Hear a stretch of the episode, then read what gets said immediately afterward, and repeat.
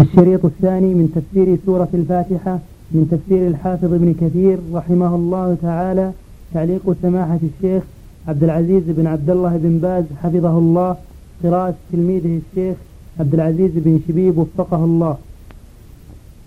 بسم الله الرحمن الرحيم. الحمد لله رب العالمين صلى الله وسلم على نبينا محمد وعلى آله وصحبه أجمعين. قال رحمه الله تعالى ذكر ما ورد في فضل الفاتحة. قال الإمام أحمد بن محمد بن حنبل رحمه الله تعالى في مسنده. حدثنا يحيى بن سعيد عن شعبة حدثني أبي بن عبد الرحمن عن حفص بن عاصم عن أبي سعيد بن المعلى رضي الله عنه. حدثنا حدثنا. نعم. حدثنا يحيى بن سعيد عن شعبة حدثني أبي بن عبد الرحمن عن حفص بن عاصم. نعم. عن أبي سعيد بن المعلى رضي الله عنه. قال كنت أصلي فدعاني رسول الله صلى الله عليه وسلم فلم أجبه حتى صليت. قال فأتيته فقال ما منعك أن تأتيني؟ قال قلت يا رسول الله إني كنت أصلي. قال ألم يقل الله تعالى يا أيها الذين آمنوا استجيبوا لله وللرسول إذا دعاكم لما يحييكم. ثم قال لأعلمنك أعظم سورة في القرآن قبل أن تخرج من المسجد. قال فأخذ بيدي فلما أراد أن يخرج من المسجد قلت يا رسول الله إنك قلت لأعلمنك أعظم سورة في القرآن. قال نعم الحمد لله رب العالمين. هي السبع المثاني والقرآن العظيم الذي أوتيته. وهذا يدل على فضلها العظيم. وأنها أعظم سورة في كتاب الله. هذه الفاتحة. أعظم سورة في كتاب الله. لما اشتملت عليه من المعاني العظيمة التي يرجع إليها جميع القرآن. ولهذا أخبر صلى الله عليه وسلم أنها أعظم سورة في كتاب الله. وأنها السبع المثاني والقرآن العظيم. وهذا يدل على أنها أنزلت في مكة. لأن الحجر من السور المكية وفيها ولقد آتيناك سبعا من المثاني والقرآن العظيم. وهذا يدل على عظم شأنها. ومن تأملها وجد ذلك. فإن فيها الثناء على الله وبيان صفاته العظيمة التي ترجع إليها جميع الصفات. وبيان حقه على عباده وهو العبادة. وإلى هذا ترجع جميع الآيات فإنها ترجع إلى الأوامر والنواهي وبيان حق الله وكله داخل في إياك نعبد وإياك نستعين. ثم إرشاده سبحانه لعباده أن يطلبوه الهداية إلى الصراط المستقيم. وهذا أيضا شأنه عظيم لأن طلبهم الهداية من ربهم عز وجل سبب لقيامهم بحقه الذي خلقهم من أجله. وهو عبادته سبحانه وتعالى. هذه السورة هي أم القرآن وهي القرآن العظيم وهي السبع المثاني وهي الشفاء والرقية فينبغي للمؤمن أن يتدبرها كثيرا. ومن رحمة الله أن شرعها لنا في اليوم والليلة سبعة عشر مرة فرضا في الفرائض الخمس. مع ما يحصل من قراءتها في النوافل وفي غير ذلك. تذكيرا بمعناها العظيم على الالتزام بما دلت عليه من العبادة لله والاستعانة بالله وطلبه الهداية مع الثناء عليه والايمان بأنه الرحمن الرحيم وبأنه الإله الحق وبأنه رب العالمين وبأنه مالك يوم الدين. فاجتمع فيها كل شيء. نعم. وهكذا رواه البخاري عن مسدد وعلي بن المديني كلاهما عن بن سعيد القطان وهكذا رواه وهكذا رواه البخاري عن مسدد نعم. وعلي بن المديني. بالجر بالجر نعم اثنين عن الشيخين. مسدد وعلي شيخ شيخاه نعم. ولهذا قال كلاهما. نعم. وهكذا رواه البخاري عن مسدد وعلي بن المدين كلاهما عن يحيى بن سعيد القطان به. نعم. ورواه في موضع آخر من التفسير. وأبو داود والنسائي وابن ماجة من طرق عن شعبة به. ورواه الواقدي عن محمد بن معاذ الأنصاري عن خبيب بن عبد الرحمن عن حفص بن عاصم عن أبي سعيد بن المعلى. عن أبي بن كعب فذكر نحوه. وقد وقع في الموطأ للإمام مالك بن أنس رحمه الله ما ينبغي التنبيه عليه فإنه رواه مالك عن العلاء بن عبد الرحمن بن يعقوب الحرقي.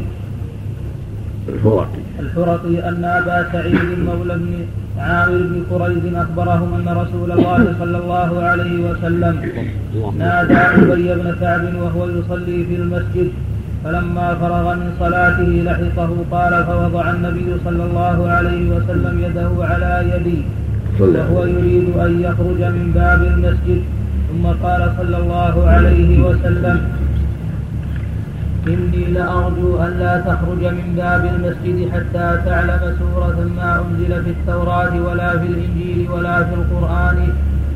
مثلها. مثلها. مثلها. قال أبي رضي الله عنه فجعلت أبطئ في المشي رجاء ذلك. ثم قلت يا رسول الله ما السورة التي وعدتني؟ قال كيف تقرأ إذا افتتحت الصلاة؟ قال فقرأت عليه الحمد لله رب العالمين حتى أتيت على آخرها. فقال رسول الله صلى الله عليه وسلم هي هذه السورة وهي السبع المثاني والقرآن العظيم الذي أعطيه. فأبو سعيد هذا ليس بأبي سعيد بن المعلى كما اعتقده ابن الأثير في جامع الأصول. ومن تبعه فإن ابن المعلى صحابي أنصاري وهذا تابعي من موالي خزاعة. وذاك الحديث متصل صحيح وهذا ظاهره أنه منقطع إن لم يكن سمعه أبو سعيد هذا من أبي بن كعب. فإن كان قد سمعه منه فهو على شرط مسلم والله أعلم. على أنه قد روي عن أبي بن كعب من غير وجه كما قال الإمام أحمد. إيه. حدثنا عفان. سنده هذا عندك؟ حدثنا سنده قال مالك حدث العلاء بن عبد الرحمن بن يعقوب. مم.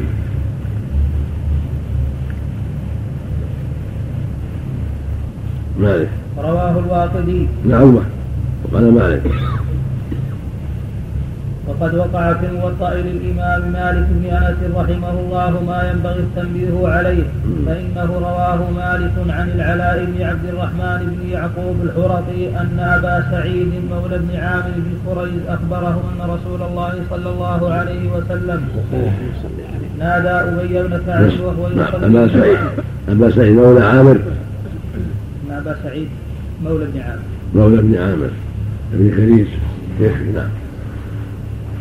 تقريب هذا شوف أبو سعيد مولى بن عامر. نعم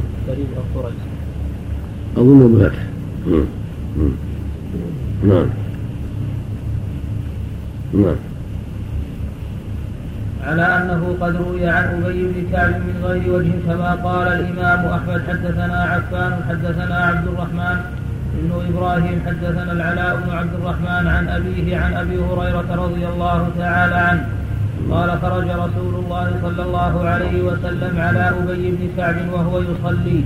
فقال يا أبي فالتفت ثم لم يجبه ثم قال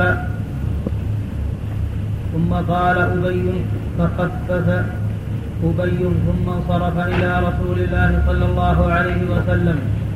فقال السلام عليك أي رسول الله فقال وعليك السلام ما منعك أي أبي؟ إذ دعوتك أن تجيبني فقال أي رسول الله إني كنت في الصلاة. قال أولست تجد فيما أوحى الله تعالى إليك؟ استجيبوا لله وللرسول إذا دعاكم لما يحييكم. قال بلى يا رسول الله لا أعود. قال أتحب أن أعلمك سورة لم تنزل لا في التوراة ولا في الإنجيل ولا في الزبور ولا في القرآن مثلها. قلت نعم أي رسول الله؟ قال رسول الله صلى الله عليه وسلم إني لأرجو أن لا أخرج من هذا الباب حتى تعلمها. قال فأخذ رسول الله صلى الله عليه وسلم بيدي يحدثني وأنا أتبطأ مخافة أن يبلغ قبل أن يقضي الحديث. فلما دنونا من الباب قلت أي رسول الله ما السورة التي وعدتني؟ قال ما تقرأ في الصلاة؟ قال فقرأت عليه أم القرآن. قال والذي نفسي بيده ما أنزل الله في التوراة ولا في الإنجيل ولا في الزبور ولا في القرآن مثلها إنها السبع, مثلها إنها السبع المثاني. ورواه الترمذي. نعم. ورواه الترمذي عن قتيبة عن عن الدراوردي. عن الدراوردي عن العلاء عن أبيه عن أبي هريرة رضي الله عنه فذكر وعنده أنها من السبع المثاني والقرآن العظيم الذي أعطيته ثم قال هذا هذا على شرط مسلم على شرط صحيح مسلم. نعم. ثم قال هذا حديث حسن صحيح. وفي الباب عن أنس بن مالك ورواه عبد الله بن الإمام أحمد عن إسماعيل بن أبي معمر. عن أبي أسامة عن عبد الحميد بن جعفر عن العلاء عن أبيه عن أبي هريرة عن أبي بن كعب فذكره مطولا بنحوه أو قريبا منه. وقد رواه الترمذي والنسائي جميعا عن أبي عمار حسين بن حريث عن الفضل بن موسى عن عبد الحميد بن جعفر عن العلاء عن العلاء عن أبيه عن أبي هريرة عن أبي بن كعب. قال قال رسول الله صلى الله عليه وسلم ما أنزل الله في التوراة ولا في الإنجيل مثله من القرآن. وهي السبع المثاني وهي مقسومة بيني وبين عبدي نصفين. هذا له النسائي. قال الترمذي حديث حسن غريب. قال الإمام أحمد حدثنا محمد بن عبيد حدثنا هاشم يعني ابن يعني ابن البريد. بريد. يعني ابن البريد. حدثنا عبد الله بن محمد بن عقيل عن جابر قال انتهيت إلى رسول الله صلى الله عليه وسلم. وقد إغراق الماء. فقلت فقلت السلام عليك يا رسول الله. فلم يرد علي. قال فقلت السلام عليك يا رسول الله. فلم يرد علي. قال فقلت السلام عليك يا رسول الله. فلم يرد علي. قال فانطلق رسول الله صلى الله عليه وسلم يمشي وأنا خلفه. حتى دخل رحله ودخلت أنا المسجد فجلست كئيبا حزينا. فخرج علي رسول الله صلى الله عليه وسلم وقد تطهر. فقال عليك السلام ورحمة الله وبركاته وعليك السلام ورحمة الله وبركاته وعليك السلام ورحمة الله. ثم قال ألا أخبرك يا عبد الله بن جابر بأخير سورة في القرآن؟ ألا أخبرك ألا أخبرك. ألا أخبرك يا عبد الله ابن جابر بأخير سورة يا جابر بن عبد الله. ألا أخبرك يا عبد الله بن جابر. لا أنت الكلام يا جابر بن عبد الله نعم. بأخير سورة في القرآن. قلت بلى يا رسول الله قال اقرأ الحمد لله رب العالمين. قال اقرأ الحمد لله رب العالمين حتى تختمها هذا إسناد جيد وابن عقيل هذا يحتج به الأئمة الكبار الأئمة الكبار. وعبد الله بن جابر هذا الصحابي. نعم. نعم. ذكر ابن ذكر ابن الجوزي أنه هو العبدي والله أعلم. أول ما قال عندك يا ابن عبد الله ولا قال عبد الله بن جابر؟ أول السنة. عبد الله بن محمد بن عقيل اما اول السنة وقال الإمام أحمد حدثنا محمد بن عبيد حدثنا هاشم يعني بن البريد حدثنا عبد الله بن محمد بن عقيل عن جابر. إيه لا صار عن غلط عن عبد الله بن جابر. عن جابر بن عبد الله كان عندك؟ عن جابر بن عبد الله؟ أو جابر بس؟ جابر بس. صادق عبد الله عن عبد الله بن جابر. يدل عليها خير هذا صحابي غريب يعني عبد الله بن جابر. نعم. عبد الله بن محمد بن عقيل يضاعف الحديث واختلط في آخر حياته وحصل له بعض التغير. فيها المتن نكاره كونه النبي صلى الله عليه وسلم ترك السلام عليه حتى دخل في رحله ثم رد عليه السلام بعد ثلاث مرات. ورد السلام يجوز من المؤمن وإن كان على غير طهارة. إلا أن إذا كان على طهارة أفضل. الحاصل في سند النظر في صحة النظر.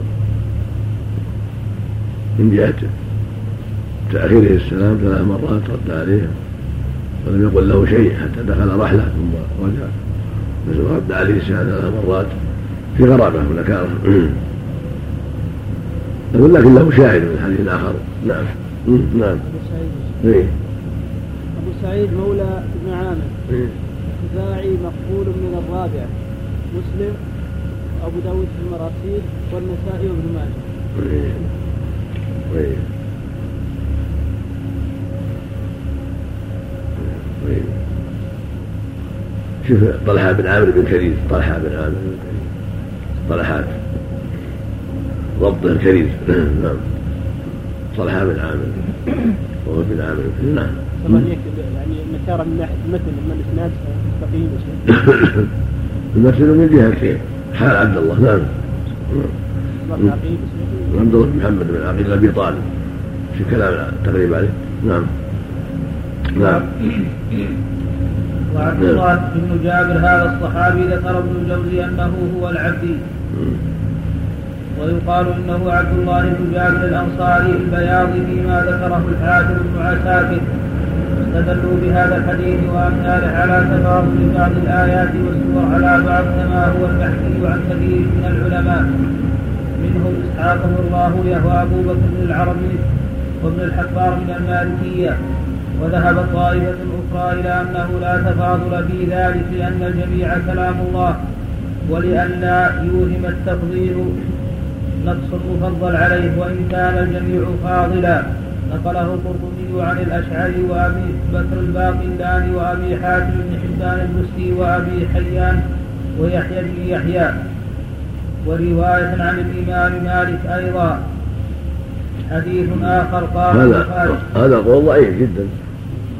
الصواب ان القران يتفاضل كلام الرب يتفاضل. وإن كان كله وإن كان كله عظيما ولكنه يتفاضل. الله الذي جعل فيه التفاضل. كما أن الرسل يتفاضلون والأنبياء يتفاضلون. هكذا كلام الله يتفاضل. فالايات التي في التوحيد والإيمان غير الآيات التي في الأحكام. والفاتحة غير السور الأخرى. ولهذا جاء بهذا الحديث الصحيح. بل في الأحاديث الصحيحة حديث أبي هريرة وحديث أبي سعيد بن المعلى. وما جاء في معناهما. تفضيل الفاتحة. وانها أعظم السور. وجاء في آية الكرسي أنها أعظم آية في الصحيح. أنها أعظم آية في كتاب الله. نعم. هذا قل هو الله أحد أنها تعدي ثلث القرآن. الحاصل أنه يتفاضل وإن كان هو كلام الرب عز وجل وكله عظيم وكله فاضل وكله حجة كله خير من الله لكن لا مانع من كونه يتفاضل. نعم. طيب شيخ نعم. القرآن المتفاضل فيه والتوحيد. هل هي يعني يرضى بها؟ القرآن كله شفاء ما في ما في تخصيص كله شفاء لكن آيات عظيمة متعلقة بالتوحيد والإخلاص لله لها شأن آخر. ولهذا كان النبي يقرأ على نفس المعوذتين ما يقول هو الله أحد. ويقول ما تعود المتعوذون بمثلهما. قال في آية الكرسي إذا قرأها العبد عند نوم لم عند الله حافظ ولا يقربه شيء حتى يصبح نعم.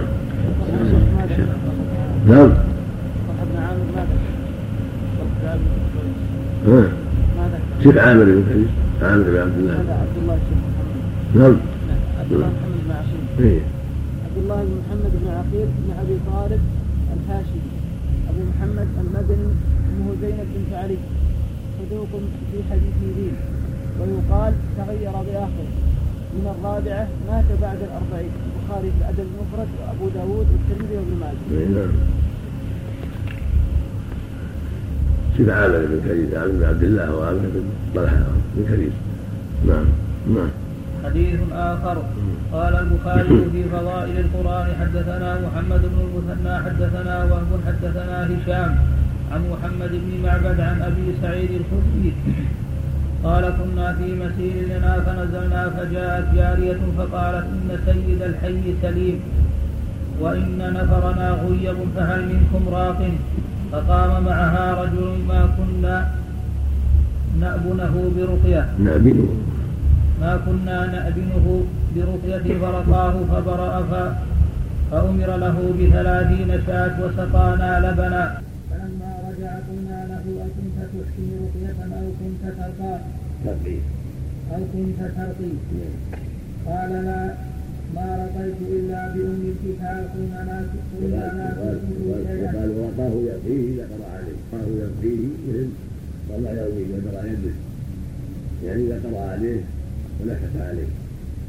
ويقال رقي يرقى إذا صعد رقي يرقى صعد وزنا ومعنى رقي من باب فعيل من باب تعيب يرقى وزنا ومعنى كصعد يصعد ورقى يرقي نفث عليه وقرأ عليه. لمرضه نعم. قال لا ما رأيت إلا بأم الكتاب. قلنا لا تسكتوا شيئا حتى نأتي ونسأل رسول الله صلى الله عليه وسلم. فلما قدمنا المدينة ذكرناه للنبي صلى الله عليه وسلم. فقال وما كان يدريه أنها رقية اقسموا واضربوا لي بسهم. وقال أبو معمر حدثنا عبد الوارث حدثنا هشام حدثنا محمد بن سيرين. حدثني معبد بن سيرين عن أبي سعيد الخدري بهذا وهكذا رواه مسلم وأبو داود. وهكذا رواه مسلم وأبو داود من هشام وهو ابن حسان عن ابن سيرين به وفي بعض روايات مسلم لهذا الحديث أن أبا سعيد الخدري هو الذي رقى ذلك السليم يعني الذي يسمونه ذلك تفاؤلا. نعم. حديث آخر رواه مسلم في صحيحه والنسائي في سنن من حديث أبي الأحوص سلام بن سليم عن عمار بن دريد عن عبد الله بن عيسى بن عبد الرحمن بن أبي ليلى عن سعيد بن جبير عن ابن عباس قال بين رسول الله صلى الله عليه وسلم وعنده جبرائيل إذ سمع نقيضا فوقه فرفع جبريل بصره إلى السماء فقال هذا باب قد فتح من السماء ما فتح قط. قال فنزل منه ملك فأتى النبي صلى الله عليه وسلم. فقال أبشر بنورين قد أوتيتهما لم يؤتهما نبي قبلك. فاتحة الكتاب وخواتيم سورة البقرة. لم تقرأ حرفا منها إلا أوتيته. وهذا لفظ النسائي ولمسلم نحوه. حديث آخر قال مسلم. وهذا مما احتج به على أنها أنزلت مرتين. أنزلت في مكة وأنزلت في المدينة مع هذا الملك خاص خواتم سورة البقرة آمن الرسول ما أنزل من ربه. الآيتين. نعم. الله أكبر. قال مسلم حدثنا إسحاق بن إبراهيم الحنظلي هو ابن راهوي حدثنا سفيان بن عيينة عن العلاء يعني ابن عبد الرحمن بن ويدل على هذا أيضا قوله جل وعلا نزل به الروح الأمين على قلبه وهو جبرائيل. وهذا يعم القرآن كله. ثم هذا الملك غير جبرائيل جاء بالفاتحة وآخر سورة البقرة هذا نزول ثاني تأكيد للنزول الأول مع هذا الملك الجديد. فيكون بعض القرآن قد ينزل به ملك آخر غير جبرائيل تأكيدا لما نزل به جبرائيل. وإلا فقد نزل به جبرائيل جميعا. نعم. نعم. قال مسلم حدثنا إسحاق بن إبراهيم الحنظلي هو ابن راهويه حدثنا سفيان بن عيينة عن العلاء يعني بن عبد الرحمن بن يعقوب الحرقي. عن أبي هريرة رضي الله عنه عن النبي صلى الله عليه وسلم قال من صلى صلاة لم يقرأ فيها بأم القرآن فهي خداج ثلاثة غير تمام. بالكسر. نعم. فهي خداج. نعم. فقيل لأبي هريرة إنا نكون خلف الإمام فقال اقرأ بها في نفسك أعد أعد من قرأ من صلى صلاة من صلى من صلى صلاة لم نعم. يقرأ فيها بأم القرآن فهي خداج ثلاثة غير تمام. نعم. فقيل لأبي هريرة إنا نكون خلف الإمام فقال اقرأ بها في نفسك فإني سمعت رسول الله صلى الله عليه وسلم يقول قال الله عز وجل قسمت الصلاة بيني وبين عبدي نصفين ولعبدي ما سأل. فإذا قال الحمد لله رب العالمين قال الله حمدني عبدي. وإذا قال الرحمن الرحيم قال الله أثنى علي عبدي. فإذا قال مالك يوم الدين قال الله مجدني عبدي. وقال مرة فوض إلي عبدي. فإذا قال إياك نعبد وإياك نستعين قال هذا قال هذا بيني وبين عبدي ولعبدي ما سأل. فإذا قال اهدنا الصراط المستقيم صراط الذين أنعمت عليهم غير المغضوب عليهم ولا الضالين. قال هذا لعبدي ولعبدي ما سأل. وهكذا رواه النسائي عن إسحاق بن راهويه وقد رواه أيضا عن قتيبة عن مالك عن العلاء عن أبي السائب مولى هشام بن زهرة عن أبي هريرة. وفي هذا السياق فنصفها لي ونصفها لعبدي. ولعبدي ما سأل. الحمد لله. وهكذا رواه ابن إسحاق عن العلاء وهكذا وهكذا. وهكذا رواه ابن إسحاق عن العلاء نعم. وقد رواه مسلم من حديث ابن جريج عن العلاء عن أبي السائب هكذا. ورواه أيضا من حديث ابن أبي أويس عن عن العلاء عن أبيه وأبي السائب كلاهما عن أبي هريرة. وقال الترمذي هذا حديث حسن. وسألت أبا زرعة عنه فقال كلا الحديثين صحيح. من قال عن العلاء عن أبيه وعن العلاء عن أبي السائب. وقد روى هذا الحديث وقد روى هذا الحديث عبد الله بن الإمام أحمد من حديث العلاء عن أبيه عن أبي هريرة عن أبي بن كعب مطولا قال ابن جرير حدثنا صالح بن مسمار المروزي حدثنا زيد بن الحباب حدثنا عنبسة بن سعيد عن مطرف بن قريش عن سعيد بن إسحاق عن. كعب بن عجرة. مطرف بن طريف. بالفتح عن نعم. مطرف بن قريب. مم. عن سعيد بن إسحاق عن كعب بن عجرة عن جابر بن عبد الله. عن سعد بن إسحاق. سعد. ولا سعيد. موجود سعيد. معروف سعد. لا لا لا. لا تعجل حتى نعم.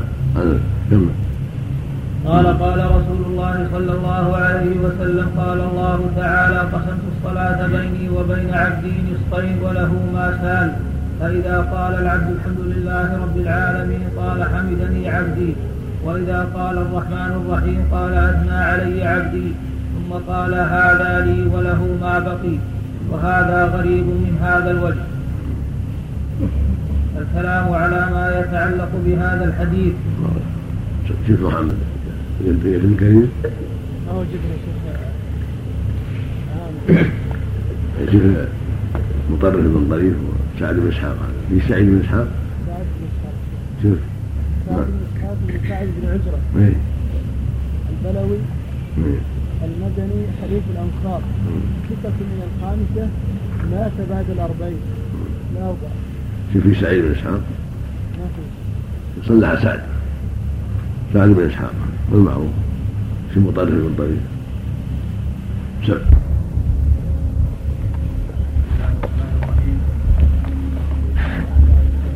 نعم.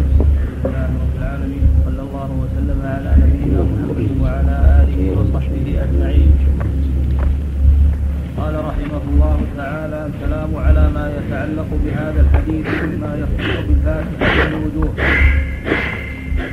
احدها أنه قد اطلق فيه لفظ قال الصلاه الحافظ ابن كثير رحمه الله. يقول المؤلف قال الحافظ ابن كثير رحمه الله دائما نعم. حتى يعلم الحاضر من هو متكلم. أو يبين المؤلف عنه دائما قال الحافظ ابن كثير رحمه الله. قال المؤلف رحمه الله الحافظ تعالى. قال الحافظ رحمه الله تعالى. أقول الحافظ ابن كثير أو الإمام ابن كثير أو نحو. نعم. نعم. قال الحافظ ابن كثير رحمه الله تعالى الكلام على ما يتعلق بهذا الحديث مما يختص بالفاتحة من وجوه. أحدها أنه قد أطلق فيه لفظ الصلاة والمراد القراءة كقوله تعالى ولا تجهر بصلاتك ولا تخافت بها وابتغ بين ذلك سبيلا. أي بقراءتك كما جاء مصرحا به في الصحيح عن ابن عباس. وهكذا قال في هذا الحديث قسمت الصلاة بيني وبين عبدي نصفين. فنصفها لي ونصفها لعبدي ولعبدي ما سأل. ثم بين تفصيل هذه القسمة في قراءة الفاتحة فدل على عظمة القراءة في الصلاة وأنها من أكبر أركانها. إذ أطلقت العبادة وأريد بها جزء واحد منها وهو القراءة. كما أطلق لفظ القراءة والمراد به الصلاة في قوله وقرآن الفجر إن قرآن الفجر كان مشهودا. والمراد صلاة الفجر كما جاء مصرحا به في الصحيحين. أنه يشهدها ملائكة الليل وملائكة النهار. فدل هذا كله على أنه لا بد من القراءة في الصلاة وهو اتفاق من العلماء. ولكن اختلفوا في مسألة نذكرها في الوجه الثاني وذلك أنه هل يتعين للقراءة في الصلاة غير غير فاتحة الكتاب أم تجزئ هل يتعين؟ وذلك أنه هل يتعين للقراءة في الصلاة غير فاتحة الكتاب أم تجزئ هي أو غيرها؟ على قولين مشهورين فعند أبي حنيفة ومن وافقه من أصحابه فعند أبي حنيفة ومن وافقه من أصحابه وغيرهم أنها لا تتعين بل مهما قرأ به من القرآن أجزاه في الصلاة.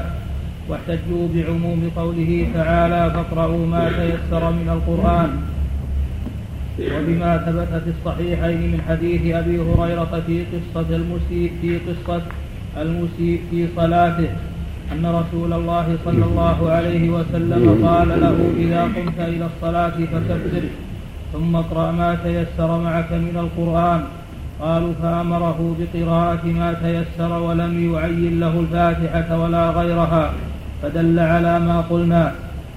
والقول الثاني أنه تتعين قراءة الفاتحة في الصلاة ولا تجزئ الصلاة بدونها.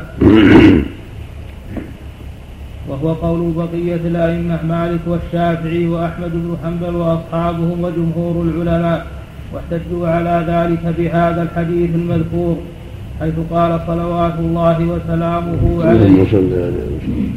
من صلى صلاة لم يقرأ فيها بأم القرآن فهي خداج والخداج هو الناقص كما فسر, كما فسر به في الحديث كما فسر به في الحديث غير تمام.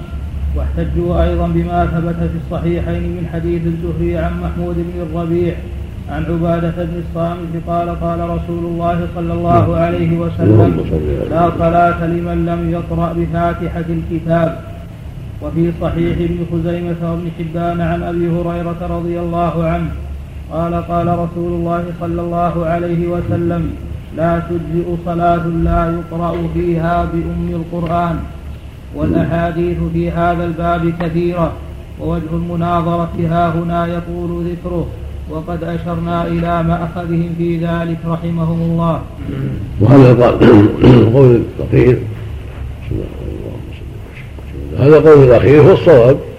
وقول الجمهور.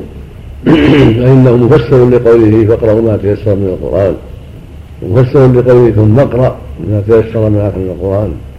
فالآية والحديث مطلقان. وحديث أو بعده ما جاء معناه. حديث مفسر واضح. فيحمل المجمل والمطلق على المفسر. ويجب أن يقال عام آية عامة والحديث عام. فاقرأ فاقرأ ما تيسر من القرآن وكذلك فاقرأوا ما تيسر منه هذا عام. والحديث بعده ما جاء في معناها خاص. والخاص يقضي على العام. والمقيد يطلق يقضي على المطلق. ولهذا ذهب الجمهور إلى تعين الفاتحة وانه واجب أن تكون القراءه بالفاتحة في جميع الصلوات النهي والفرض. للامام المعموم والمنفرد. أما الإمام والماموم أما الإمام والمنفرد فهو محل إجماع ومحل وفاق إنه لا بد من القراءه وأما المأموم اختلف فيه هل تجب عليه أو يتحملها عن الإمام؟ والأظهر أنه لا يتحملها بل تجب عليه لعموم الأدلة. ولما جاء في حديث عباده لعلكم تقرؤون خمسة قلنا نعم قال لا تفعلوا إلا بفاتحه الكتاب فإنه لا صلاة لمن لم يقرأ بها. وحديث فهي خداج فهي خداج. رواه مسلم الصحيح. واضح في وجوبها. نعم. نعم.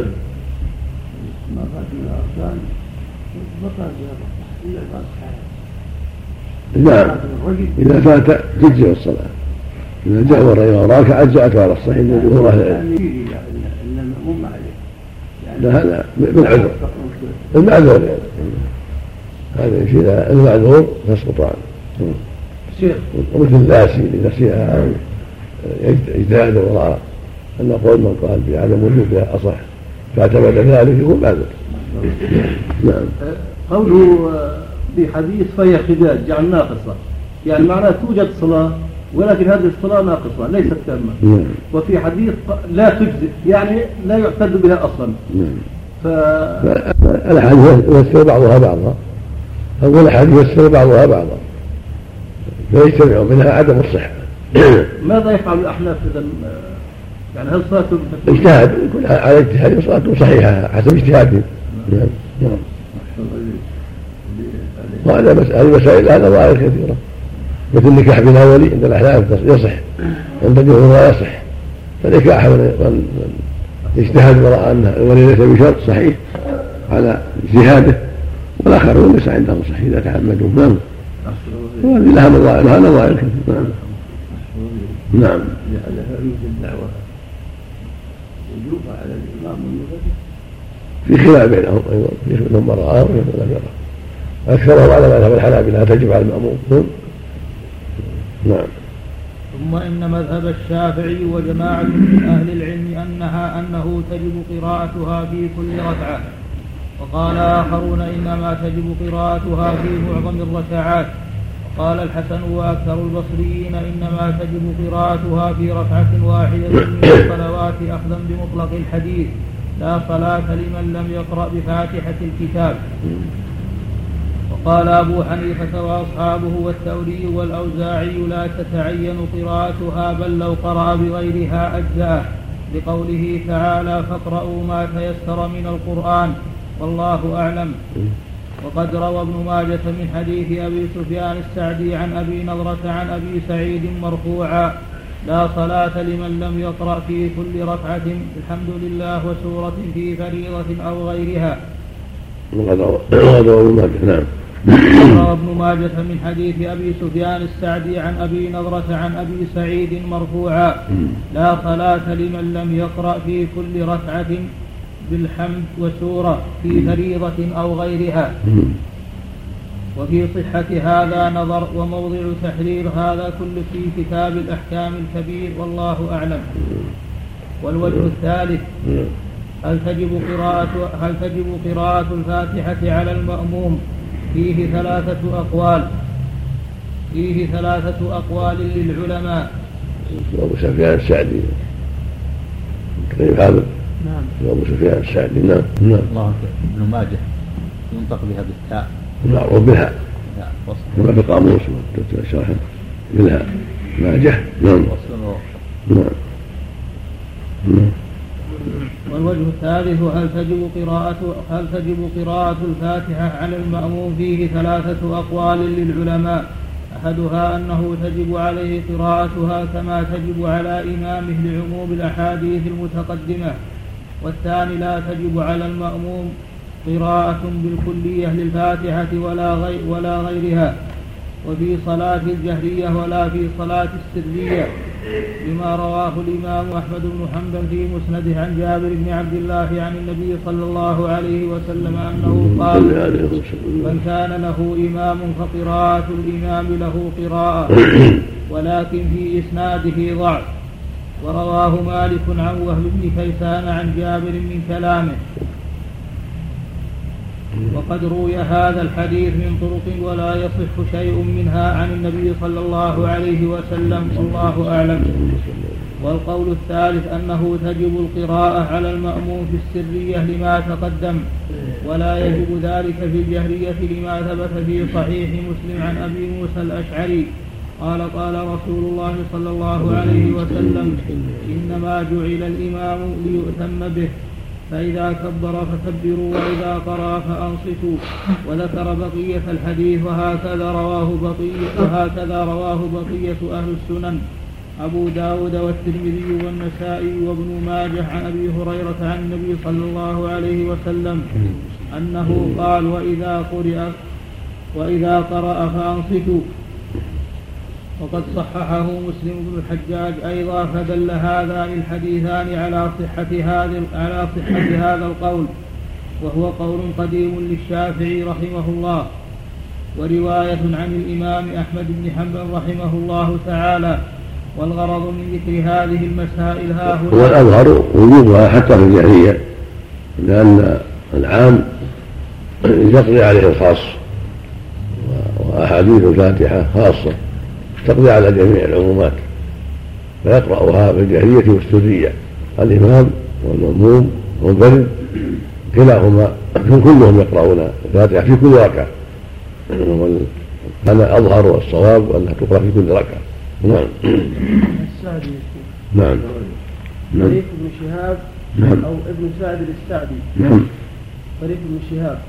نعم. شو اسمه؟ هو ذكره في سماه إيش؟ طريق ابن شهاب. طريف بن سعد نعم. طريق ابن شهاب أو ابن سعد السعدي. البصري الأشل بالمعجمة ويقال له الأعسل. من هملتين ضعيف من السادسة. الترمذي وابن ماجه. ذكر في كنا أبو سفيان. ذكر في كنا الكناة أبو سفيان السعدي. هو طريق ابن شهاب. يجزيك نعم. نعم نعم. والخاص بينهما فرق نعم. المقيد والخاص نعم. بينهما فرق أو هو. هو هو. نعم. المقيد. نعم. ضد المطلق والخاص ضد العام. هذا هو. في مقابل العام يقال خاص في مقابل المطلق يقال مقيد. نعم. نعم. والغرض من ذكر هذه المسائل ها هنا بيان اختصاص سورة الفاتحة بأحكام لا تتعلق بغيرها من السور. وقال الحافظ أبو بكر البزار حدثنا إبراهيم بن سعيد الجوهري حدثنا غسان بن عبيد عن أبي عمران الجوني عن أنس رضي الله عنه قال قال رسول الله صلى الله عليه وسلم إذا وضعت جنبك على الفراش وقرأت فاتحة الكتاب وقل هو الله أحد فقد أمنت من كل شيء إلا الموت. طيب حدثنا حدثنا إبراهيم بن قال سعيد الحافظ أبو بكر البزار حدثنا إبراهيم بن سعيد الجوهري حدثنا غسان بن عبيد عن أبي عمران الجوني عن أنس رضي الله عنه قال قال رسول الله صلى الله عليه. وسلم. نعم. غسان بن عبيد نعم. إبراهيم بن سعد. سعيد معروف بن سعد ولا بن سعيد؟ سعيد الجوهري نعم. نعم نعم. كيف كلام غسان بن عبيد نعم. نعم. في صلاة الجهرية. نعم. قراءة الفاتحة والإمام يقرأ. جاب عن حديث وإذا قرأ فأنصتوا يقول ما يجاب واذا قرئ القرآن فاستمعوا له وانصتوا الآية والحديث بابهما واحد. من باب العام وال- والخاص. الله يقول سبحانه وإذا قرئ القرآن فاستمعوا له وانصتوا وفي الحديث إذا قرأ إذا فانصتوا وقال قال صلى الله عليه وسلم لعلكم تقرؤون خلف خلف اذا قلنا نعم قال لا تفعلوا. إلا بفتحه الكتاب فانه لا صلاه لمن قبلها هذا مفصل مقيد. ويحمل عليه ذاك المطلق. العام نعم. نعم.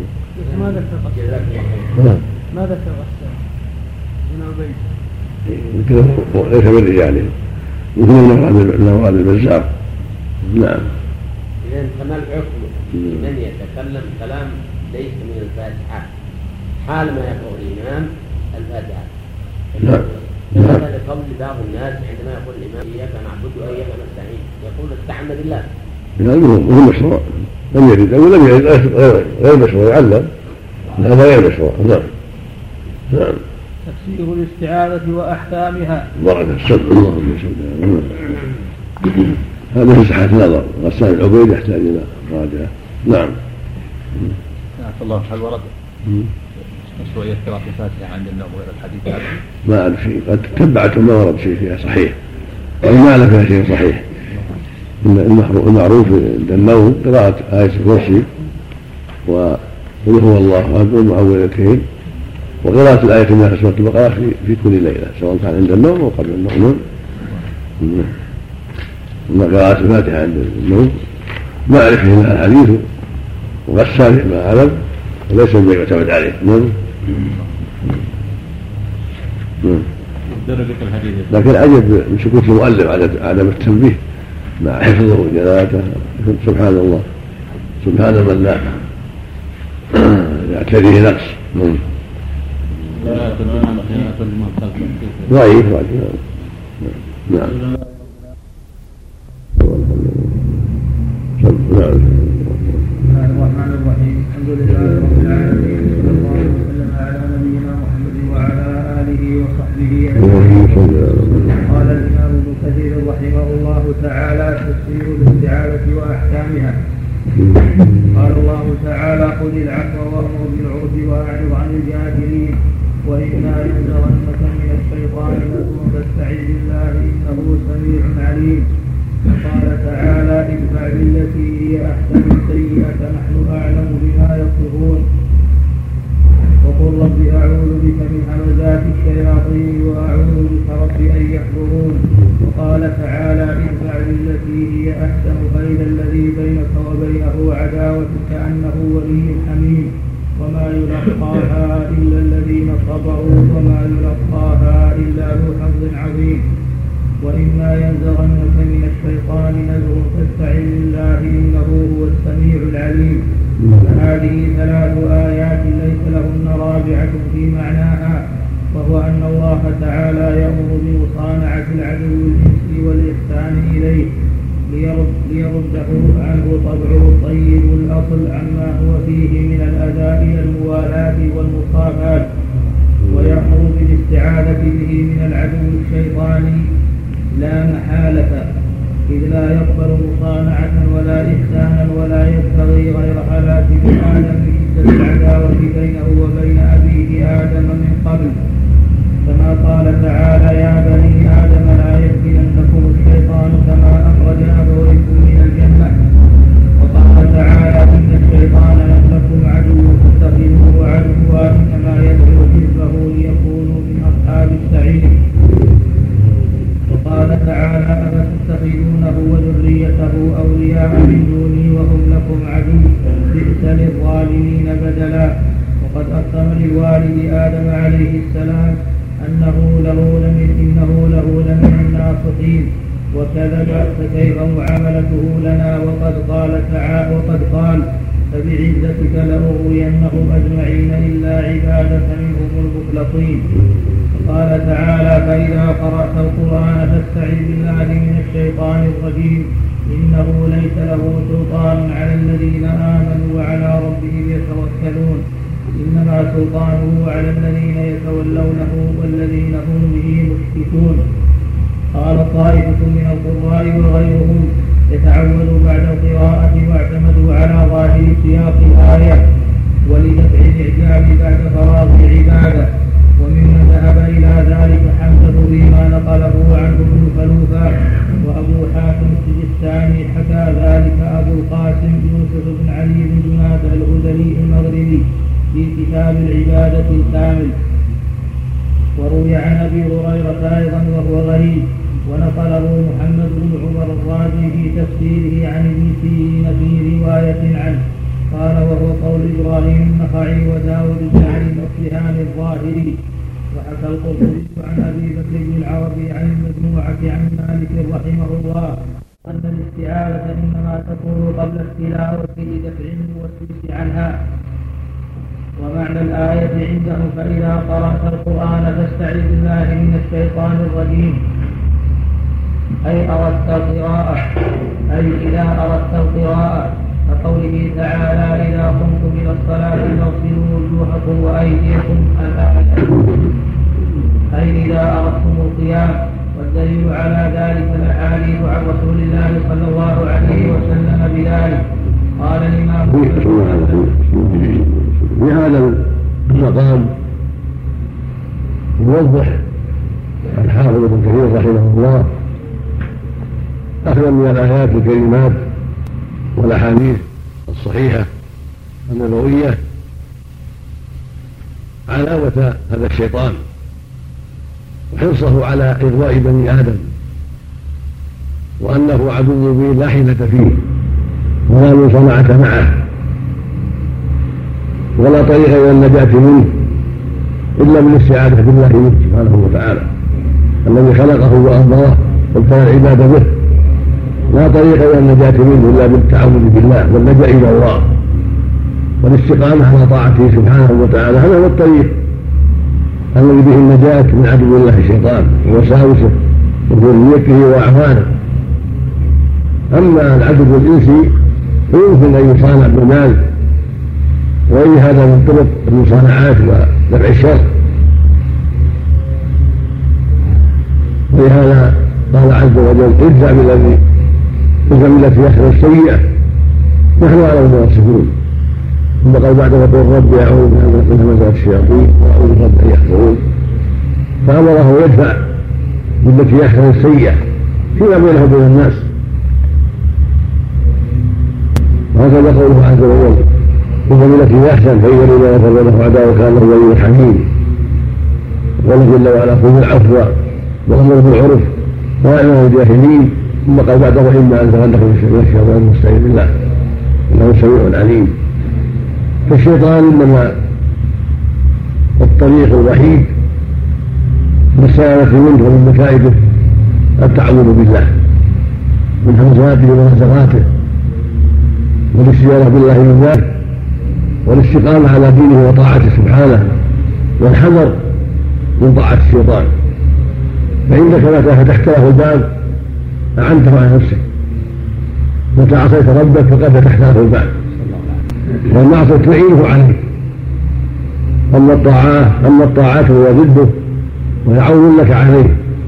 ومن أسباب توفيق الله لك وحمايته لك. ومن جملة ذلك الاستعاذة تستعين به سبحانه عند قراءتك وفي كل مكان. وفي كل زمان. تلجأ إلى الله دائما أن يعينك من الشيطان ونفقاته وإن تقرأ يقول لك سبحانه فإذا قرأت فاستعذ بالله من الشيطان الرجيم. قال بعض السلف معناه انك تستعين بعد القراءة حتى لا تعجب بها وحتى لا يوقعك في العجب والكبرياء قال بعضهم تستعين بالله من الشيطان في أولها وبعد الفراغ منها. من القراءة والصواب الذي عليه جمهور أهل العلم أن الاستعاذة تكون في أول القراءة حتى تتقي شر الشيطان في قراءتك تتقي فتنته بالتعوذ بالله. فمعنى قوله سبحانه فإذا قرأت القرآن فاستعذ بالله. معناه فإذا أردت قراءته فاستعذ بالله. مثل ما في قوله سبحانه يا أيها الذين آمنوا إذا قمتم إلى الصلاة. فاغسلوا وجوهكم. إذا أردتم القيام وأنتم على غير طهارة فاغسلوا وجوهكم مثل قول عليه الصلاة والسلام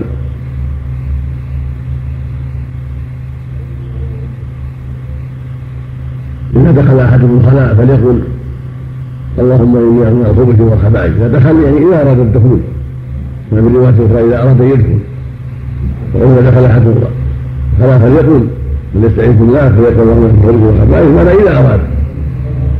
هذا له نظائر هكذا يقول سبحانه وتعالى فإذا قرأت القرآن وإذا أردت القراءة فاستعيذ تتقي بذلك شر عدو الله وتتقي مكائده وتلبيسه. وبهذا يعلم طالب العلم ويعلم المؤمن. وكل عاقل أنه في أشد الحاجة بل في أشد الضرورة إلى اعانه ربه له على هذا العدو. واعانته إياه منه والدفاع عنه. ان الله يدافع عن الذين آمنوا. فالجا إلى الله في كل حال. واستعن به في كل حال من هذا العدو ومن سائر الاعداء لعلك تنجو لعلك توفق إذا صدقت. نعم. قال الإمام أحمد بن حنبل رحمه الله تعالى حدثنا محمد بن الحسن بن آس حدثنا جعفر بن سليمان عن علي بن علي الرفاعي يشكري عن أبي متوكل التاجي عن أبي سعيد. نعم. أبي متوكل الناجي عن أبي سعيد الخدري قال كان رسول الله صلى الله عليه وسلم إذا قام من الليل فاستفتح صلاته وكبر. قال سبحانك اللهم وبحمدك وتبارك اسمك وتعالى جدك ولا إله غيرك. ثم يقول لا إله إلا الله ثلاثا ثم يقول أعوذ بالله السميع العليم من الشيطان الرجيم من همزه ونفسه ونفسه وقد رواه السنن وقد رواه أهل السنن الأربعة من رواية جعفر بن سليمان عن علي بن علي وهو الرفاعي وقال الترمذي هو أشهر شيء في هذا الباب. وقد فسر الهمز بالموتة وهي الخمس والنفخ بالكبر والنفخ بالشعر. كما رواه أبو داود وابن ماجه من حديث شعبة عن عبد بن مرة عن عاصم عن عاصم الغزي عن نافع بن جبير بن مطعم. عن أبي قال رأيت رسول الله صلى الله عليه وسلم. كما روى كما روى. كما رواه أبو داود وابن ماجه من حديث شعبة عن عمرو بن مره عن عاصم الغزي كذا الغزي كان عندكم؟ أو العنز من؟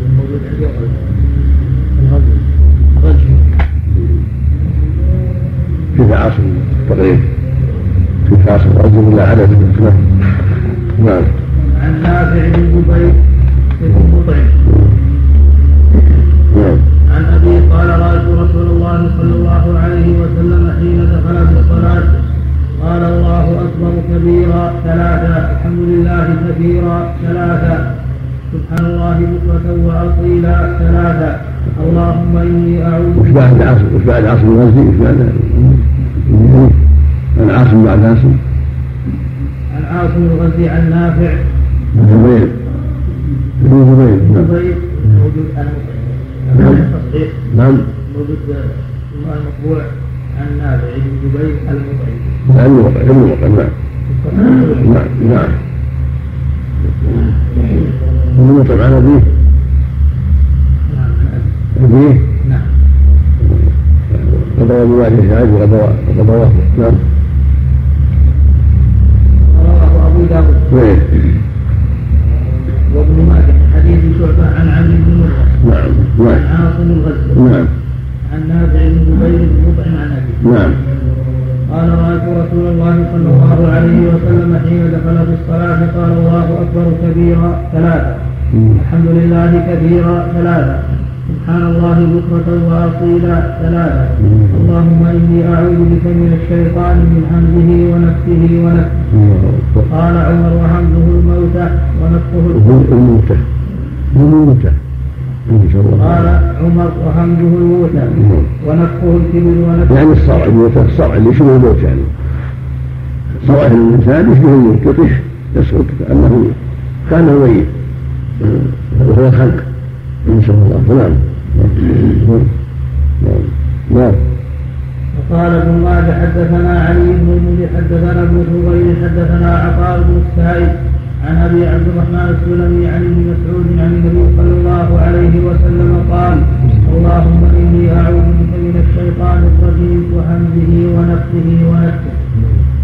قال همزه الموتى ونفسه الكبر ونفسه الشعر. قال الإمام أحمد حدثنا إسحاق بن يوسف حدثنا شريف عن يعلى بن عطاء عن رجل حدثه أنه سمع أبا أمامة الباهلي يقول كان رسول الله صلى الله عليه وسلم إذا قام إلى الصلاة كبر ثلاثا ثم قال لا إله إلا الله ثلاث مرات وسبحان الله وبحمده ثلاث مرات. ثم قال أعوذ بالله من الشيطان الرجيم من همزه ونفسه ونفسه. وقال الحافظ أبو يعلى أحمد بن علي بن مثنى الموصلي في مسنده حدثنا عبد الله بن عمر بن ابان الكوفي حدثنا علي بن هشام بن البريد عن يزيد بن زياد عن عبد الملك بن عبيد عن عبد الرحمن. عن يزيد. عن يزيد بن زياد. كان عنه؟ بن زياد؟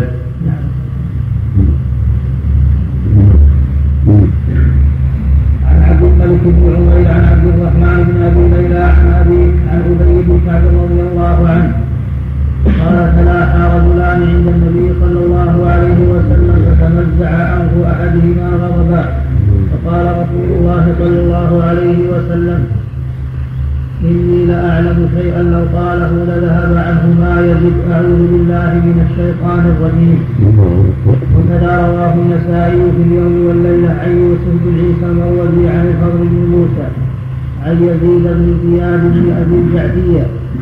وقد رويها وقد روى هذا الحديث أحمد بن حنبل عن أبي سعيد عن عن زائدة. عن زائدة. وأبو داود عن يوسف بن موسى عن جرير بن عبد الحميد والترمذي والنسائي في اليوم والليلة عن بندار عن ابن مهدي.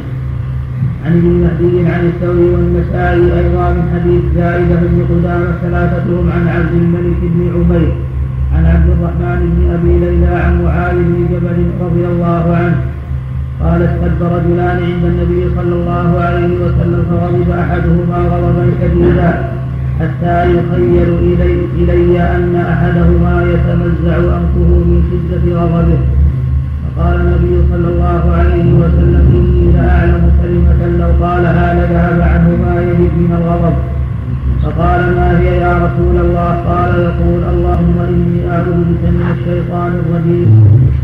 قال فجعل معاذ يأمره فأبى وجعل يزداد غضبا وهذا له أبي داود وقال الترمذي مرسل يعني أن عبد الرحمن بن أبي ليلى لم يلق معاذ بن جبل فإنه مات قبل سنة عشرين. قلت وقد يكون عبد الرحمن بن أبي ليلى سمعه من أبي بن كما تقدم. وبلغه عن معاذ بن جبل فإن هذه القصة شهدها غير واحد من الصحابة رضي الله عنهم. قال البخاري حدثنا عثمان بن أبي شيبة حدثنا جرير عن الأعمش عن علي بن ثابت. قال قال سليمان بن رضي الله عنه سب رجلان عند النبي صلى الله عليه وسلم ونحن عنده جلوس فأحدهما يسب صاحبه مغضبا قد احمر وجهه. فقال النبي صلى الله عليه وسلم إني لاعلم كلمة لو قالها لذهب عنه ما يجده. قال أعوذ بالله من الشيطان الرجيم. من قالوا ألا تسمع ما يقول رسول الله صلى الله عليه وسلم؟ قال إني لست بمجنون. وقد رواه أيضا مع مسلم وأبي داود والنسائي من طرق متعددة عن الأعمش به. وقد رواه. قد رواه أيضا. مع مسلم وأبي داود والنسائي من طرق متعددة عن الأعمش به. وهذا حين قال لست بمجنون حمله على شدة الغضب. ما بعد وعى. شدة الغضب ما وعى. وإلا لا تسمع ما يقول الرسول صلى الله عليه وسلم. فلن يرعوي لأن غضبه قد استولى عليه.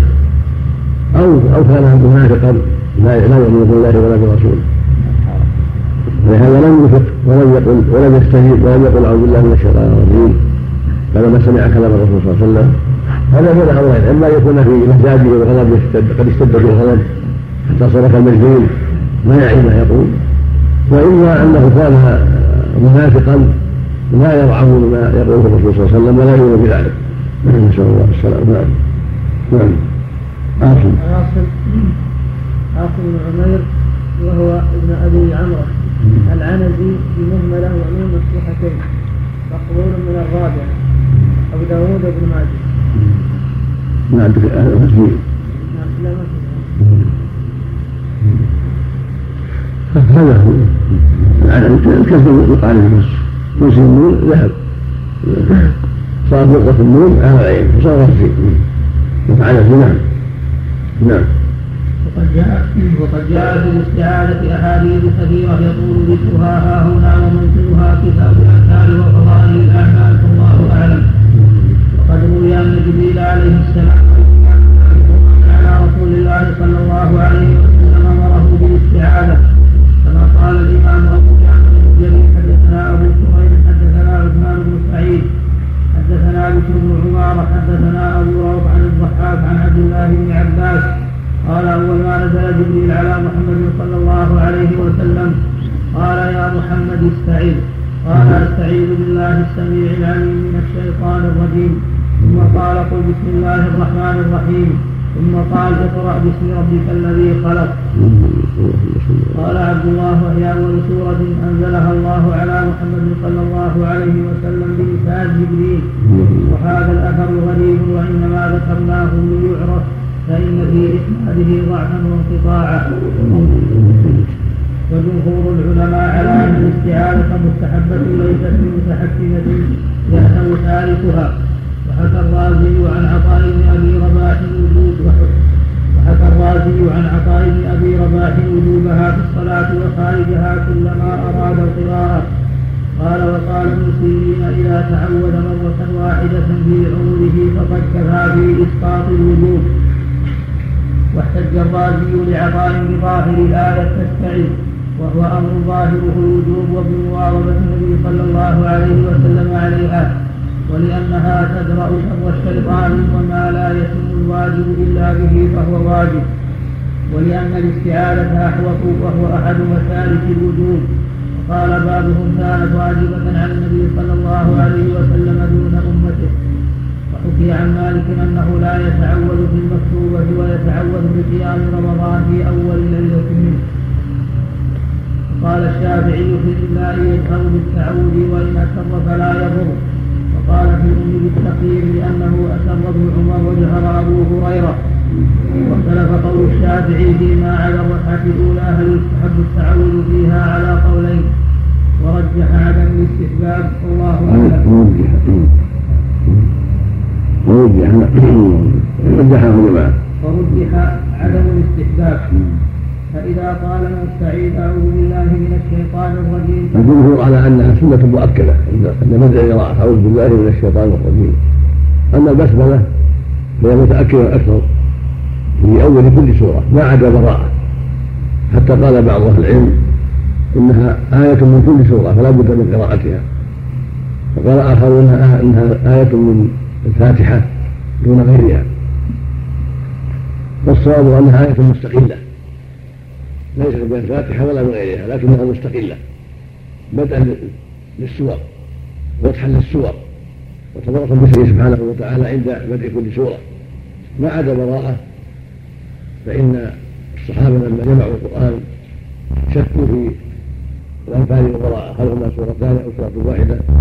ولهذا لم يكتبوا بينها بسم الله الرحمن الرحيم كما قال عثمان ينبغي للمؤمن أن يقرأ البسملة في أول كل سورة وينبغي أن يتعود أيضا قبل ذلك. حتى يجمع بين السنتين. وهذا الذي يعرفه من أهل العلم؟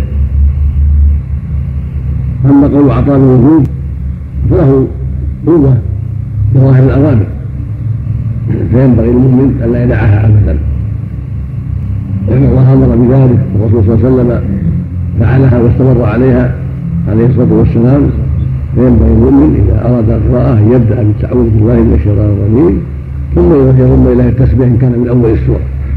أما كان من أثناء السورة فالأمر واسع. إن أتى بالمسبلة فلا بأس. وإن اكتفى اكتفى بالاستعاذة كفى. وظاهر الآية الكريمة أنه يكتفى بالاستعاذة. إلا إذا يبدأ سورة بدأها بالاستعاذة ثم التسبيح. حتى يجمع بين السنتين. في الصلاة وخارجها هو الرضا والنفل. وأما ما عن مالك في النفل أو في رمضان هذا لا وجه له.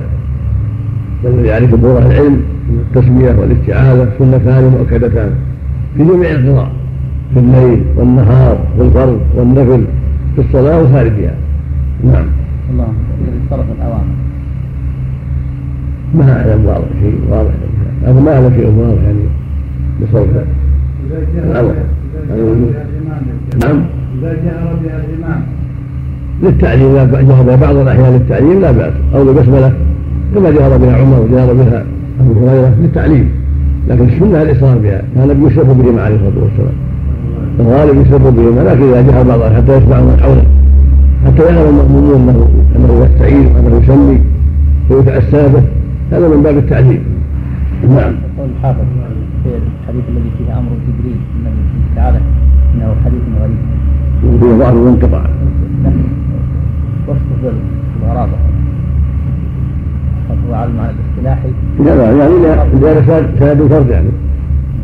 أو لأنه سند فرد وراء مع ضعف انقطع نعم. والغرابة في المعنى أيضا. المعنى انقطاع تسمية والاستعاذة بهم غريبة نعم في أول في أول غريبة في أول قراءة. في أول البعثة أولهم غريب أشد غريب أشتهر.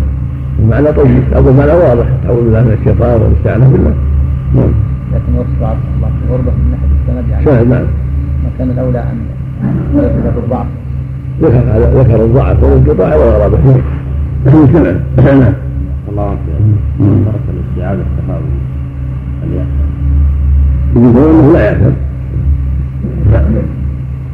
نعم فإذا قال المستعيذ أعوذ بالله من الشيطان الرجيم كفى ذلك عند الشافعي وأبي حنيفة وزاد بعضهم أعوذ بالله السميع العليم. وقال آخرون بل يقول أعوذ بالله من الشيطان الرجيم إن الله هو السميع العليم.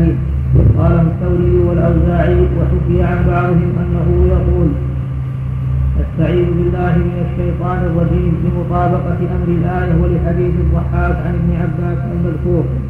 والأحاديث الصحيحة كما تقدم أولى بالاتباع من هذا. ثم الاستعاذة في الصلاة إنما هي الابتلاء. الإنسان مخير إذا قال أعوذ بالله من الشيطان الرجيم أو قال أعوذ بالله السميع من الشيطان الرجيم كله حسن. أعوذ بالله من الشيطان الرجيم هذا نوع. وأعوذ بالله السميع العليم من الشيطان الرجيم نوع ثاني. يقول التنوع هكذا بسم الله الرحمن الرحيم. بعدها هكذا من همزه ونفسه ونفسه كل هذه هي استجارة بالله واستعانة سبحانه وتعالى. نعم. ثم الاستعاذة في الصلاة إنما هي للتلاوة وهو قول أبي حنيفة ومحمد. وقال أبو يوسف بل للصلاة فعلى هذا يتعود المأموم وإن كان لا يقرأ ويتعود في العيد بعد الإحرام.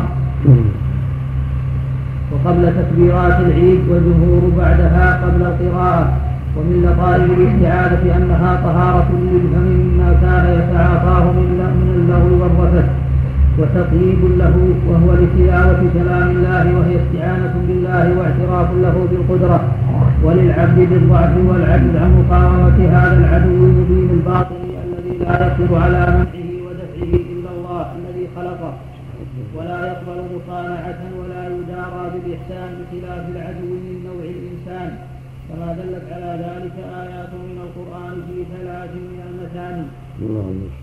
قال تعالى إن عبادي ليس لك عليهم سلطان وكفى بربك وكيلا. قد نزلت الملائكة لمقاتلة العدو البشري فمن قتله العدو الظاهري البشري كان شهيدا. ومن قتله العدو الباطني كان طريدا ومن غلبه العدو الظاهري كان مأجورا ومن قهره العدو الباطني كان مفتونا أو موزورا. ولما كان الشيطان يرى الإنسان من حيث لا يراه استعاذ منه بالذي يراه ولا يراه الشيطان. فصل والاستعاذة والله سبحانه وتعالى اللهم صل على محمد المستعان طبع المثاني يسر المثاني يعني. المثاني التي أقل من المئة يعني. التفسيرات ثابتة في الاستعاذة نعم. هذا وهذا أعوذ بالله من الشيطان الرجيم. وأعوذ بالله السميع من الشيطان ما ثابت صيغتان. نعم.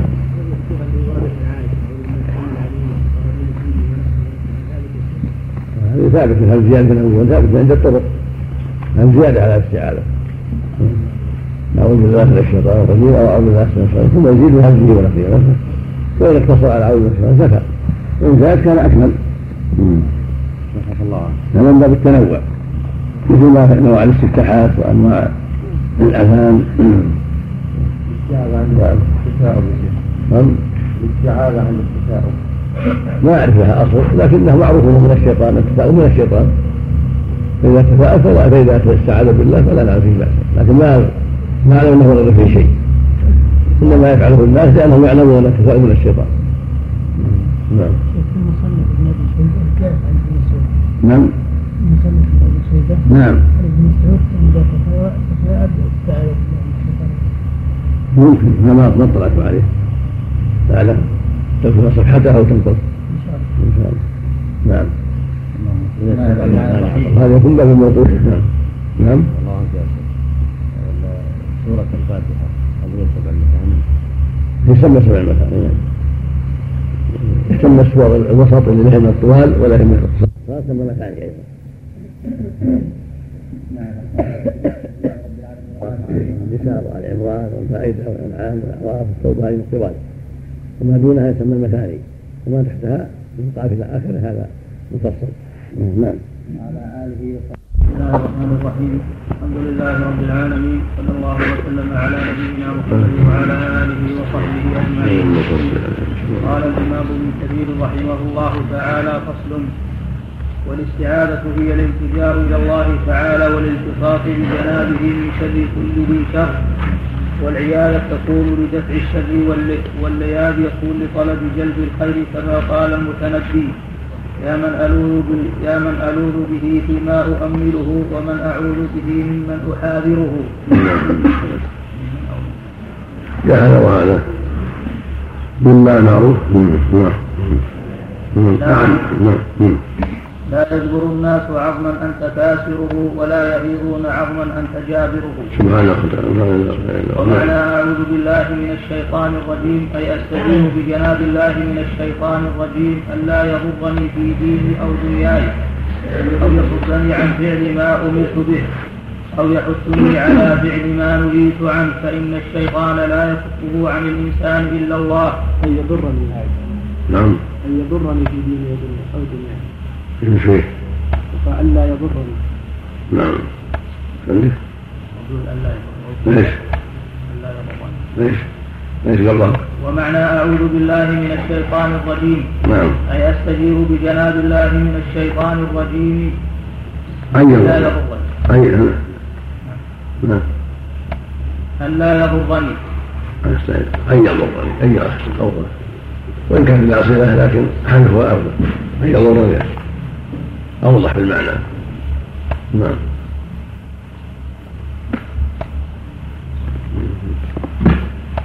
أي أستجير بجناب الله من الشيطان الرجيم أن يضرني في ديني أو دنياي أو يصدني عن فعل ما أمرت به أو يحثني على فعل ما نهيت عنه فإن الشيطان لا يكفه عن الإنسان إلا الله. ولهذا أمر تعالى بمصانعة شيطان الإنس ومداراته بإسداء الجميل إليه. ليرد ليرده ليرده طبع ليرده طبعه عما هو فيه من الأذى. وأمر بالاستعاذة به من شيطان الجن لأنه لا يقبل رشوة ولا يؤثر فيه جميل. لأنه لهذا قال سبحانه ادفع بالتي هي أحسن السيئة. لا الله ادفع بالتي هي أحسن فاذا الذي بينك وبينه عداء وكأنه ولي حميم. فالإنس يدفع بأشياء كثيرة. من المقابلة على السيئه بالإحسان دفع المال من الشفاعه اليك باقاربك وأخصائه إلى غير هذا. أما عدو الله الشيطان وجنوده فلا يدفعهم إلى الله سبحانه وتعالى. والذي بيده صدهم ودفعهم والعافيه من شرهم ومكائدهم. فلهذا شرع سبحانه اللجأ إليه والاستعاذه به من الشيطان الرجيم. عند القراءه وفي مواضع أخرى فالمؤمن يلوذ بالله ويستعيذ به سبحانه وتعالى. يعوذ به من شر الشيطان ويلوذ به في كل ما يرجوه ويؤمله. فالعيال يكون في دفع الشر والعيال في طلب الخير.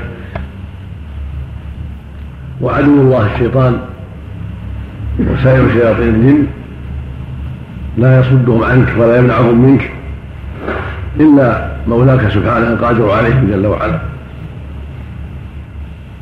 فجدير بالمؤمن أن يلجأ إلى الله دائما وأن يستعيذ به من الشيطان في جميع الأحوال وأن يتخذ أسباب ذلك من طاعة الله ورسوله والبعد عما نهى الله عنه ورسوله. فإن الإقدام على المعاصي من أعظم الأسباب لتسيطه عليك وتمكنه منك. فإن من عصى الله فتح لعدوه الباب. أن يلج عليه. وكل ما زادت المعاصي زاد اتساع الباب واتساع الخلق لهجوم الشيطان وتمكنه منك. وكلما اغلقت الباب واجتهدت في اغلاقه بأداء الواجبات وترك المحرمات. كنت أبعد ما يكون عن عدوك الشيطان. نعم.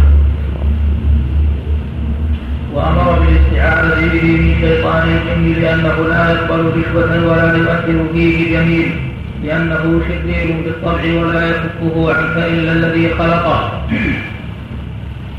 وهذا المعنى في ثلاث آيات من القرآن لا أعلم لهن رابعة قوله في الأعراف خذ العفو وأمر بالعرف وأعرض عن الجاهلين. فهذا فيما يتعلق بمعاملة الأعداء من البشر. ثم قال وإما ينزغنك من الشيطان نزغ فاستعذ بالله إنه سميع عليم. قال تعالى في سورة قد أفلح المؤمنون. ادفع بالتي هي أحسن السيئة نحن أعلم بما يصفون. وقل رب أعوذ بك من همزات الشياطين وأعوذ بك رب أن يحضرون. وقال تعالى في سورة حامي السجدة فصلت. ولا تستوي الحسنة ولا السيئة ادفع بالتي هي أحسن فإذا الذي بينك وبينه عداوة كأنه ولي حميم. وما يلقاها إلا الذين صبروا وما يلقاها إلا ذو حظ عظيم. وإما ينزغنك من الشيطان نزغ فاستعذ بالله إنه هو السميع العليم. وتقدم التنبيه على هذا تقدم المؤلف التنبيه على هذا نعم. الشيطان في لغة العرب مشتق من شطن إذا بعد فهو بعيد بطبعه عن طباع البشر وبعيد بفسقه عن كل خير. وقيل مشتق من شاق لأنه مخلوق من نار ومنهم من يقول كلاهما صحيح في المعنى ولكن الأول أصح. وعليه يدل كلام العرب.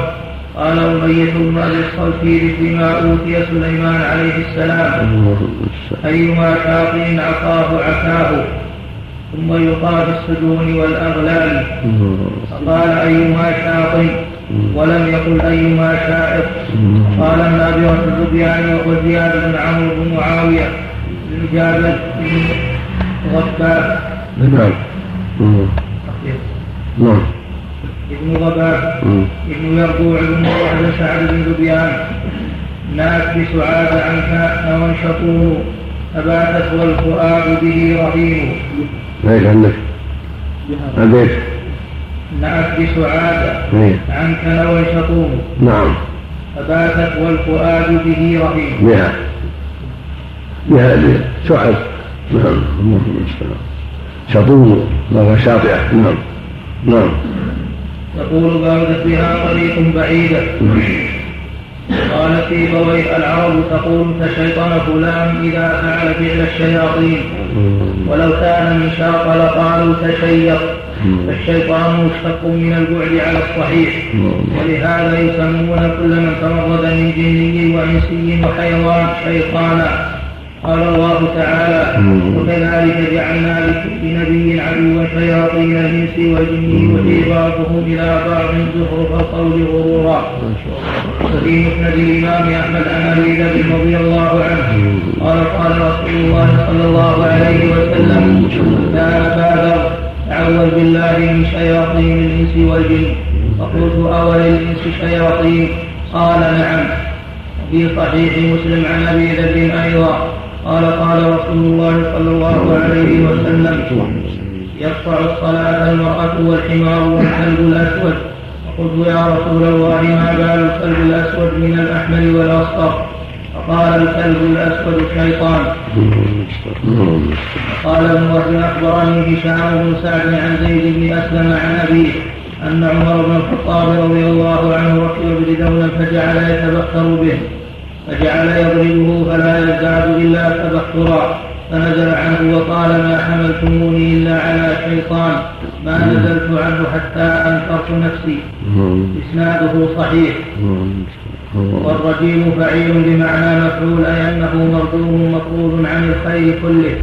كما قال تعالى ولقد زينا السماء الدنيا بمصابيح وجعلناها رجوما للشياطين. قال تعالى إنا أنزلنا إنا زينا السماء الدنيا بزينة الكواكب وحفظا من كل شيطان مارد لا يسمعون إلى الملأ الأعلى ويقذفون من كل جانب دحورا ولهم عذاب واصب إلا من خطف الخطبة فأتبعه شهاب ثاقب قال تعالى ولقد جعلنا في السماء بروجا وزيناها للناظرين وحفظناها من كل شيطان رجيم. إلا من استرق السمع فأتبعه شهاب مبين.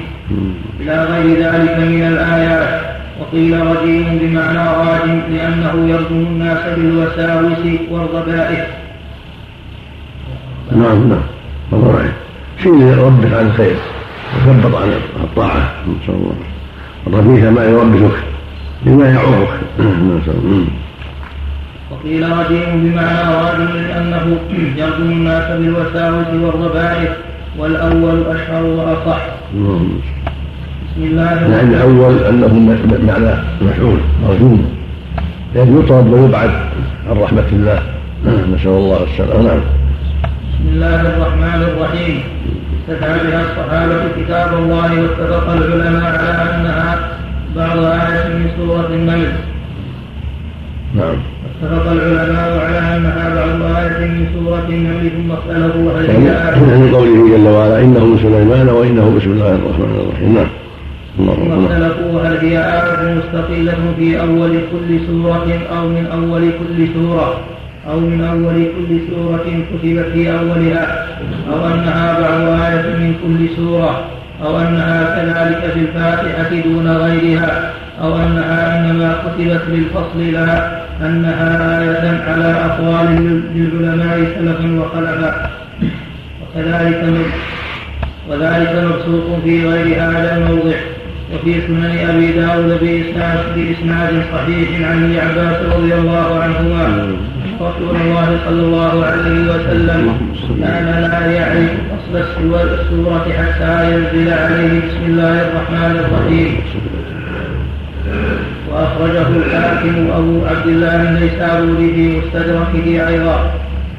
وروي مرسلا عن سعيد بن جبير وفي صحيح ابن خزيمة عن أم سلمة رضي الله عنها أن رسول الله صلى الله عليه وسلم قرأ البسملة في أول الفاتحة في الصلاة وعدها آية. لكنه من رواية عمر بن هارون البلخي وفيه ضعف. عن ابن جريج عن ابن أبي مليكة عنها. عمر هذا ليس بشيء. هارون هذا؟ متهم بالكذب. فليس بشيء. والصواب انها آية مستقلة في كتاب الله جل وعلا فصل بين السور. آية مستقلة وليست من الفاتحة ولا من غيرها. بل هي آية مستقلة للفصل بين السور. هذا أحسن ما قاله العلماء فيها. وهي بعض آية من سورة النمل. نعم. والفاتحة سبع آيات بدونها أولها الحمد لله رب العالمين وآخرها غير المغضوب عليهم ولا الضالين. نعم. لكنه من رواية نعم. نسي البداءة بها في نعم. نسي البداءة بها في أول السورة ما معلش. لا حرج. نعم. نعم. لكنه من رواية عمر بن هارون البلخي وفيه ضعف نعم. عن ابن جريج عن ابن أبي مليكة عنها. وروى الدار قطني متابعا. عن أبي هريرة مرفوعا وروي مثله عن علي وابن عباس وغيرهما.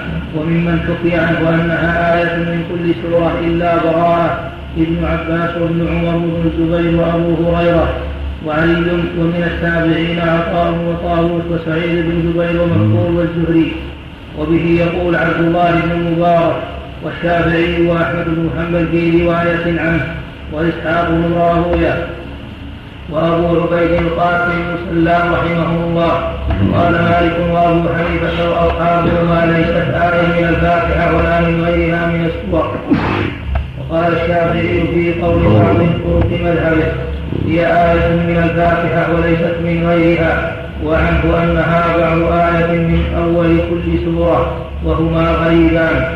وقال داود هي آية مستقلة في أول كل سورة. وقال داود هي آية مستقلة في أول كل سورة لا منها. وهذا رواية عن الإمام أحمد بن حنبل وحكاه أبو بكر الرازي عن أبي الحسن الكرخي وهما من أكابر أصحاب أبي حنيفة رحمهم الله.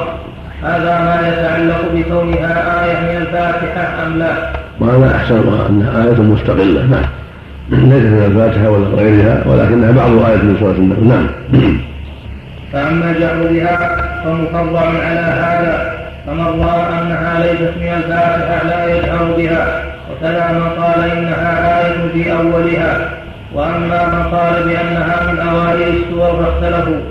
فذهب الشافعي رحمه, رحمه الله إلى أنه يجهر بها مع الفاتحة والسورة وهو مذهب طوائف من الصحابة والتابعين وأئمة المسلمين سلفا وخلفا فجهر بها من الصحابة أبو هريرة وابن عمر وابن عباس ومعاوية وحكاه ابن عبد البر والبيهقي عن عمر.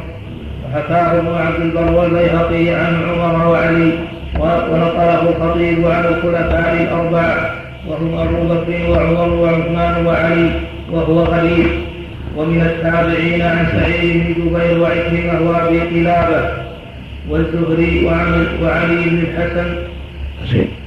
وعلي بن حسين بن الحسين وابن محمد وسعيد بن المسيب وعطاء وطاووس ومجاهد وسالم ومحمد بن كعب القرظي وعبيد وأبي بكر بن محمد بن عمرو بن حزم وأبي وائل وابن سيرين ومحمد بن إيش؟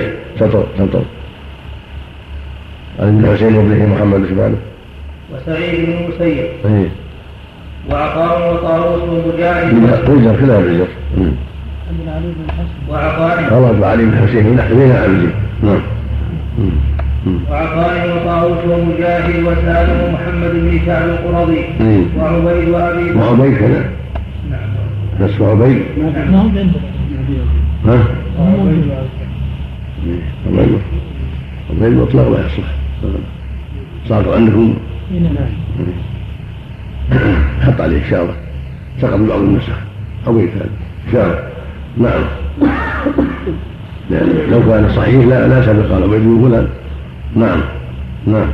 وأبي بكر بن محمد بن عمرو بن حزم وأبي وائل وابن سيرين ومحمد بن منكدر وعلي بن عبد الله بن عباس وابنه محمد ونافع مولى بن عمر وزيد بن أسلم وعمر بن عبد العزيز والأزرق بن قيس وحبيب بن أبي ثابت وأبي الشعثاء ومقبول وعبد الله بن معقل بن مقرن.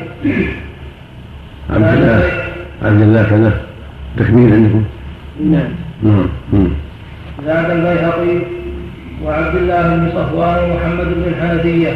زاد ابن عبد البر وعمر بن دينار. نعم. بالواو. وزاد ابن عبد البر وعمر بن دينار. والحجة في ذلك أنها بعض الآخرة. والحجة. والحجة في ذلك. والحجة في ذلك أنها باب الفاتحة. نعم فيجهر بها كسائر أبعاضها وأيضا فقد روى النسائي في سننه وابن خزيمة وابن حبان في صحيحيهما والحاكم في مستدركه عن أبي هريرة أنه صلى فجهر في قراءته بالبسملة وقال بعد أن قرأ إني لأشبه نعم. إني لأشبهكم صلاة برسول الله صلى الله نعم. برسول الله صلى الله عليه وسلم. وصححه الدار قطني والخطيب والبيهقي وغيرهم. نعم. وروى أبو داود والترمذي عن ابن عباس أن رسول الله صلى الله عليه وسلم كان يفتتح الصلاة ببسم الله الرحمن الرحيم. ثم قال الترمذي وليس إسناده بذاك وقد رواه الحاكم في في مستدركه. عن ابن عباس قال كان رسول الله صلى الله عليه وسلم يجهر بسم الله الرحمن الرحيم. ثم قال صحيح. وفي صحيح البخاري عن أنس بن مالك أنه سئل عن قراءة النبي صلى الله عليه وسلم. فقال كانت قراءته مجدا ثم قرأ بسم الله الرحمن الرحيم. يمد بسم الله ويمد الرحمن ويمد الرحيم. وفي مسند الإمام أحمد وسنن وسنن أبي داود وصحيح ابن خزيمة ومستدرك الحاكم. عن أم سلمة رضي الله عنها قالت كان رسول الله صلى الله عليه وسلم يقطع قراءته بسم الله الرحمن الرحيم. يقطع يقطع نعم. لعله بالتشديد أحسن. يقطع كان رسول الله صلى الله عليه وسلم يقطع قراءته بسم الله الرحمن الرحيم. الحمد لله رب العالمين. الرحمن الرحيم. مالك يوم الدين.